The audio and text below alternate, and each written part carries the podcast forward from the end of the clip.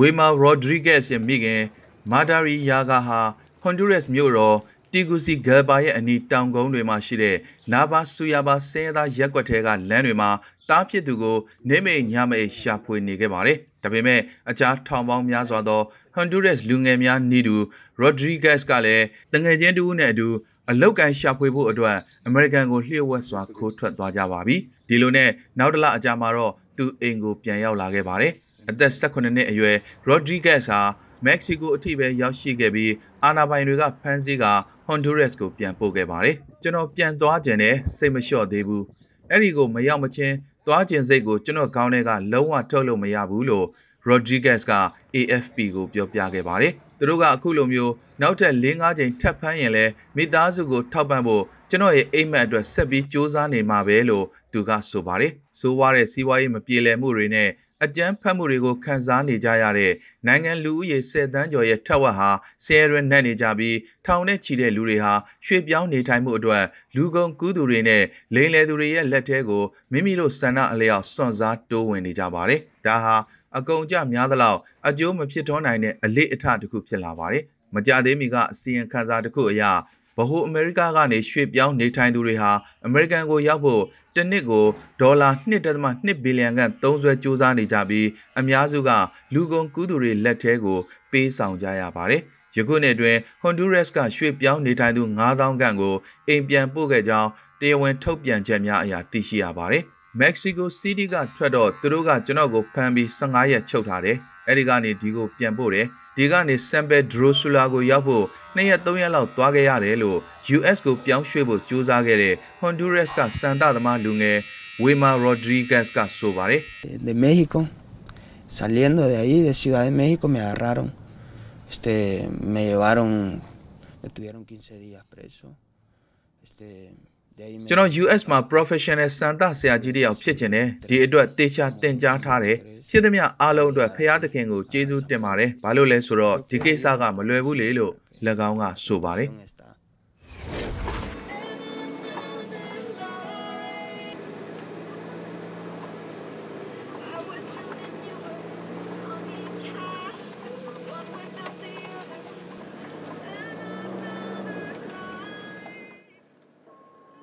စစ်ပွဲရဲ့ဒဏ်ရာဒဏ်ချက်တွေနဲ့မာလီနိုင်ငံကကုလစခန်းတစ်ခုအတွင်းဖြာတစ်ချက်ပေါ်မှာစုဝေးထိုင်နေတဲ့လုတ်ဖို့ကင်ဘက်တွေကိုအဘူဘက်ကာတယောက်လက်ဖက်ရည်နဲ့အစာပြေမုန့်တွေဝေပေးနေပါတယ်။သူကစကားကိုဘွန်းဘွန်းရှင်းရှင်းပြောတတ်ပေမဲ့2014ခုနှစ်အထိအောင်အတွေ့အကြုံ14နှစ်ရှိခဲ့တဲ့အဲလန်ညွန်ဘဝကနေရှေ့တန်းစစ်မြေပြင်စကားပြန်အဖြစ်ကိုအသွင်ပြောင်းခြင်းနဲ့ပတ်သက်ပြီးတော့ထင်းငေါ့ပြောလိုဟန်အရေးအမြုပ်တွေမြင်တွေ့ရပါတယ်။စစ်ပွဲအပြီးမှာမာလီမှာရှိတဲ့ ကုလရဲ့ဗတ်ပေါင်းစုံပေါင်းဆက်တည်ငြိမ်ရေးမစ်ရှင်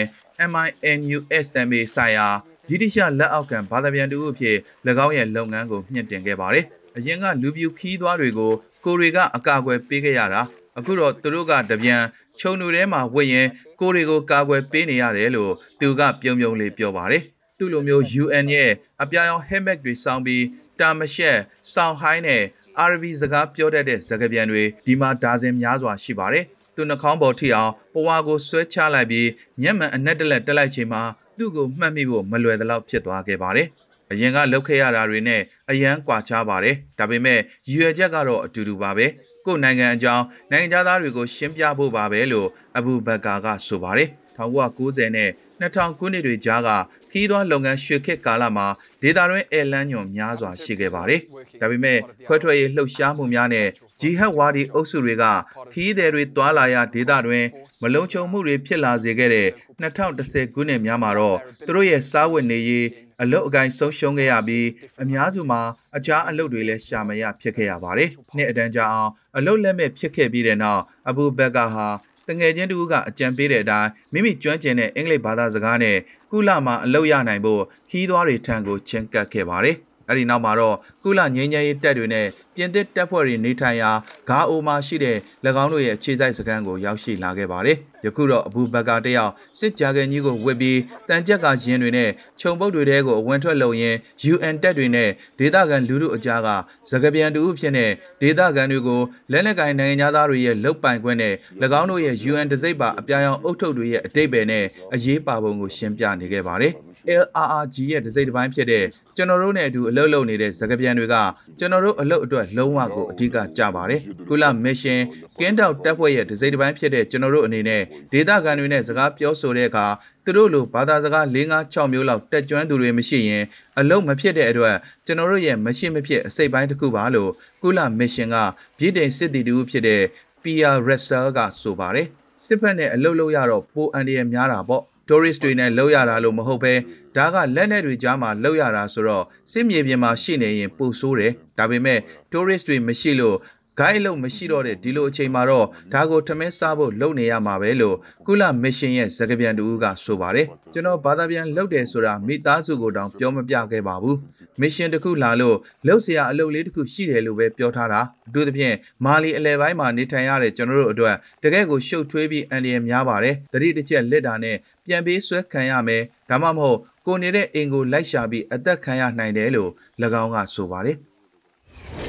စိုက်ဘေးရီးယားမှာကြောင်မီးသွေးတွင်မတော်တဆမှုတစ်ခုဖြစ်ပွားခဲ့တဲ့အတွက်လူ48ဦးသေဆုံးခဲ့ပြီးဒါဇင်နဲ့ချီပျောက်ဆုံးနေကြောင်းရုရှားအရေးပေါ်ဝန်ကြီးဌာနကပြောကြားခဲ့ပါတယ်။ နာမသတင်းအချက်အလက်များအရဘယ်လိုဘိုမြို့အနီး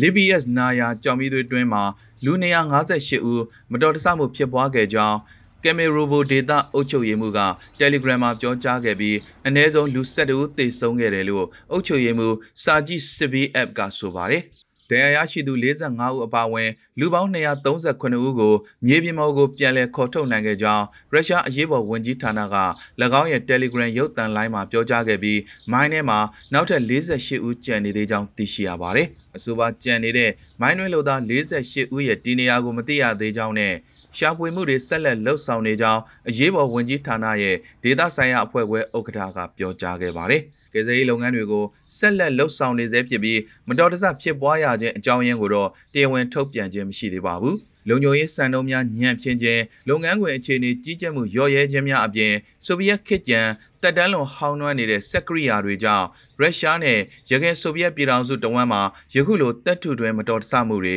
အဖြစ်များပါတယ်။ ရုရှားနိုင်ငံမှာအဆိုးဝါးဆုံးတပ်ထုတွင်မတော်တဆမှုအဖြစ်ရုရှားနိုင်ငံရဲ့အကြီးဆုံးကြောင်မီးသွေးတွင်းဖြစ်တဲ့စိုက်ဘေးရီးယားရှိ Respetskaya ကြောင်မီးသွေးတွင်းမှာ2010ခုနှစ်နွေရာသီအတွင်းကဖြစ်ပွားခဲ့ပြီးလူပေါင်း92ဦးသေဆုံးက100ကျော်ဒဏ်ရာရရှိခဲ့ပါတယ်။ လူအသေးပြောက်များတဲ့မတော်တဆမှုဖြစ်ပွားရာကမ္ဘာပေါ်မှာအကြီးဆုံးရွှေထုတ်လုပ်သူတွေတဲကတစ်ခုဖြစ်တဲ့ရုရှားနိုင်ငံရဲ့ရွှေမိုင်းတွင်းတွေအနည်းကတဘာဝပတ်ဝန်းကျင်ဆိုင်ရာဖြစ်ရပ်တွေကို NGO အဖွဲ့တွေကဦးစားပေးအာရုံစိုက်လာကြပါတယ်။ဝင်ရိုးစွန်းညဆိုတာကမ္ဘာမြောက်ဖျားဆုံးနဲ့တောင်ပြားဆုံးဒေသတွေမှာဖြစ်ပေါ်တတ်တဲ့24နာရီထက်ကျော်လွန်ပြီးညတာရှည်လျားတဲ့ဖြစ်စဉ်တစ်ခုပါဒီဖြစ်စဉ်ဟာတောင်နဲ့မြောက်ဝင်ရိုးစွန်းစဝိုင်းတွေအတွင်းမှာပဲပေါ်ပေါက်တာဖြစ်ပါတယ် ဆန့်ကျင်ဘက်ဖြစ်စဉ်ဖြစ်တဲ့သကောင်းရန်နေထွက်ခြင်းသို့မဟုတ်ဝင်ရိုးစွန်းနေဆိုတာကနေလုံးဟာမိုးကုတ်စဝိုင်းပေါ်မှာ24နာရီထက်ကျော်လွန်ပြီးတည်ရှိနေတဲ့ဖြစ်စဉ်ကိုခေါ်ပါတယ်ညဆိုတာကနေရဲ့အလဲဘိုးဟာ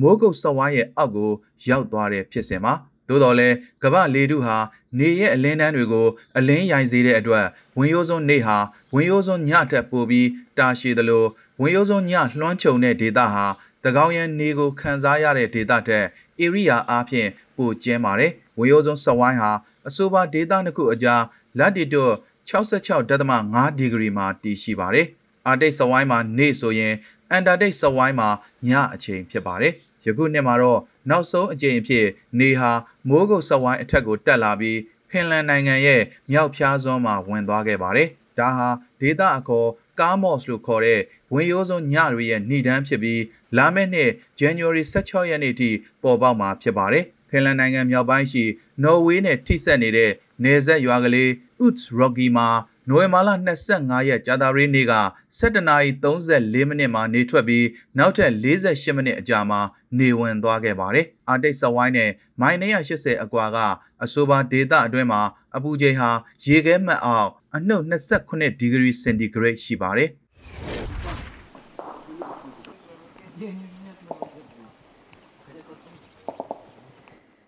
စက်တနက်ကိုအသင့်အနေထားကင်တွယ်ရင်းယူကရိန်းနိုင်ငံသားလူငယ်စစ်သည်ဟာသူ့စကန်အပြင်ကမြက်ခင်းလွင်ပြင်ကိုလှမ်းကြည့်စစ်ဆေးလိုက်ပါတယ်ရုရှားကိုထောက်ခံတဲ့ခွဲထွက်ရေးသမားတွေစကန်ချရာနေရာနဲ့မီတာရာပေါင်းများစွာအလန်းကွာတဲ့မြက်ခင်းလွင်ပြင်ပဲဖြစ်ပါတယ်။ အကြတန်ကြားရလောက်အောင်ဗဂရိတိတ်ဆိတ်နေပေမဲ့သူ့အာယုံတွေကတော့အစွမ်းကုန်နိုးကြားနေပါတယ်ရုရှားဘက်ကယူကရိန်းကိုထိုးစစ်ဆင်လာမဲ့အနေအထားတွေလည်းပေါ်ပေါက်နေခြင်းဖြစ်ပါတယ်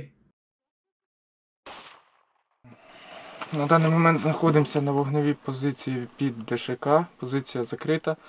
ရန်သူနဲ့အနီးဆုံးစက်ကြီးပစ်ကူစခန်းမှာကျွန်တော်တာဝန်ကြတယ် ဒီကနေရန်သူရဲ့ပြစ်ခတ်မှုကိုမကြာခဏတံပြန်ပြစ်ခတ်နေရတယ်လို့အသက်22နှစ်အရွယ်ယူကရိန်းစစ်သည်ဇူရာကပြောပါတယ်ကျွန်တော်တူးတဲ့အမြင်အရဆိုရင်တော့ကျွန်တော်ကဒီအတွက်အဆင်သင့်မယ်အခုလိုလက်ခဲတီးလေးအခြေအနေကတိတ်ကြနေပြီဗျာရုရှားဘက်ကတကယ်တမ်းထိုးစစ်ဆင်လာမယ်ဆိုလဲကျွန်တော်တို့ကဒီရန်သူကိုတိုက်ထုတ်ရမှာပဲ ကျွန်တော်ရဲဘော်ရဲဘက်တွေကလည်းဒီလိုပဲခံယူထားတယ်ဒီဒေသတစ်ဝိုက်မှာရန်သူကအတိငိမ်ဆုံးလှုပ်ရှားနေတယ်ဒါပေမဲ့ဒီမှာကအခုလိုပဲလှုပ်ရှားလို့ရတာပါသူတို့ကတက်မဟာတစ်ခုကို82ကာလီဘာအမြောက်တွေနဲ့နေတိုင်းလှမ်းပစ်နေတာတော်တော်လေးကြမ်းပါတယ်လို့ဇူရာကဆက်ပြောပါတယ် Е, Вже як мінімум два рази Російська Федерація е, вводила свої війська на територію України, то їй ရုရှားကယူကရိန်းပိုင်တဲ့အတွင်းကိုသူ့တပ်တွေလွှတ်တာနှစ်ကြိမ်ရှိပြီးအင်အားပြည့်စစ်ပွဲတစ်ခုဖြစ်သွားနိုင်လောက်တဲ့အကြီးဆုံးချိန်ချောက်မှုပဲဒီလိုမျိုးမဖြစ်တော့ဘူးလို့မျှော်လင့်ရတာပဲဒါပေမဲ့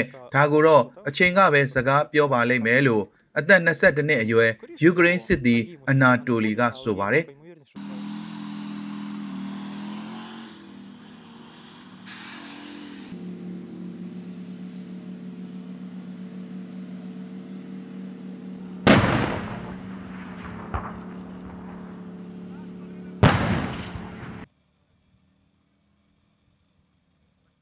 ဒီလအတွင်းယူကရိန်းအနီးကရုရှားရဲ့စစ်ရေးလှုပ်ရှားမှုအပေါ်အနောက်နိုင်ငံတွေစီကအတန်ခက်ကြဲကြဲထုတ်ပြောလာခဲ့ပါတယ်။အခုလိုယူကရိန်းနယ်စပ်မှာရုရှားရဲ့တပ်အင်အားတိုးချဲ့လာတဲ့အပေါ်အမှန်တကယ်စိုးရိမ်မိကြောင်းအမေရိကန်နိုင်ငံကထုတ်ဖော်ပြောကြားလိုက်ပါတယ်။ရုရှားသမ္မတပူတင်ရဲ့စိတ်ထဲမှာ ဘာတွေရှိနေမလဲခံမှန်းဖို့ခက်ပေမဲ့ယူကရိန်းအစိုးရအနေနဲ့နီလန်မျိုးစုံသုံးပြီးဒါကိုဟန်တားသွားမှာဖြစ်တယ်လို့ယူကရိန်းနိုင်ငံသားရေးဝန်ကြီးဒီမီထရိုကူလေဘာကနိုဝင်ဘာလ25ရက်ကြာသပတေးနေ့ကသတင်းတောက်တွေနဲ့တွေ့ဆုံစဉ်မှာပြောကြားလိုက်ပါတယ်။ရုရှားကယူကရိန်းနိုင်ငံကိုကျူးကျော်စစ်ဆင်နွှဲဖို့ပြင်ဆင်နေတာဖြစ်နိုင်တယ်ဆိုတဲ့ အနောက်နိုင်ငံတွေရဲ့ဆွဆွဲမှုအပေါ်မော်စကိုအစိုးရကတုံ့ပြန်ပြောဆိုခြင်းမရှိခဲ့ပါဘူး။ယူကရိန်းကီယက်အစိုးရဟာယူကရိန်းနိုင်ငံအရှေ့ပိုင်းမှာဖြစ်ပေါ်နေတဲ့တင်းမာမှုအပေါ်မီးလောင်ရာလေပင့်လောက်ရက်တွေလုံနေတဲ့အပေါ်သူ့အနေနဲ့စိုးရိမ်မိကြောင်း EU ကောင်စီဥက္ကဋ္ဌကိုပူတင်ကပြောဆိုခဲ့တယ်လို့ကရမ်လင်ကဆိုပါတယ်။အခုလိုရုရှားနဲ့စစ်ရေးတင်းမာနေတဲ့ကြားမှာပဲယူကရိန်းစစ်တပ်ကတင့်ကားတွေတုံးပြီးစစ်ရေးလေ့ကျင့်မှုတွေလှုပ်ဆောင်ခဲ့တယ်လို့ ရုရှားအနေနဲ့ယူကရိန်းနိုင်ငံကိုကျူးကျော်စစ်ဆင်လာခဲ့ရင်မြည်သည့်အားထုတ်မှုမျိုးအတွက်မဆိုတန်ဖိုးကြီးကြီးပေးဆက်ရမယ်လို့ကြာသပတေးနေ့ကယူကရိန်းအစိုးရကရုရှားကိုတတိပေးလိုက်ပါတယ်။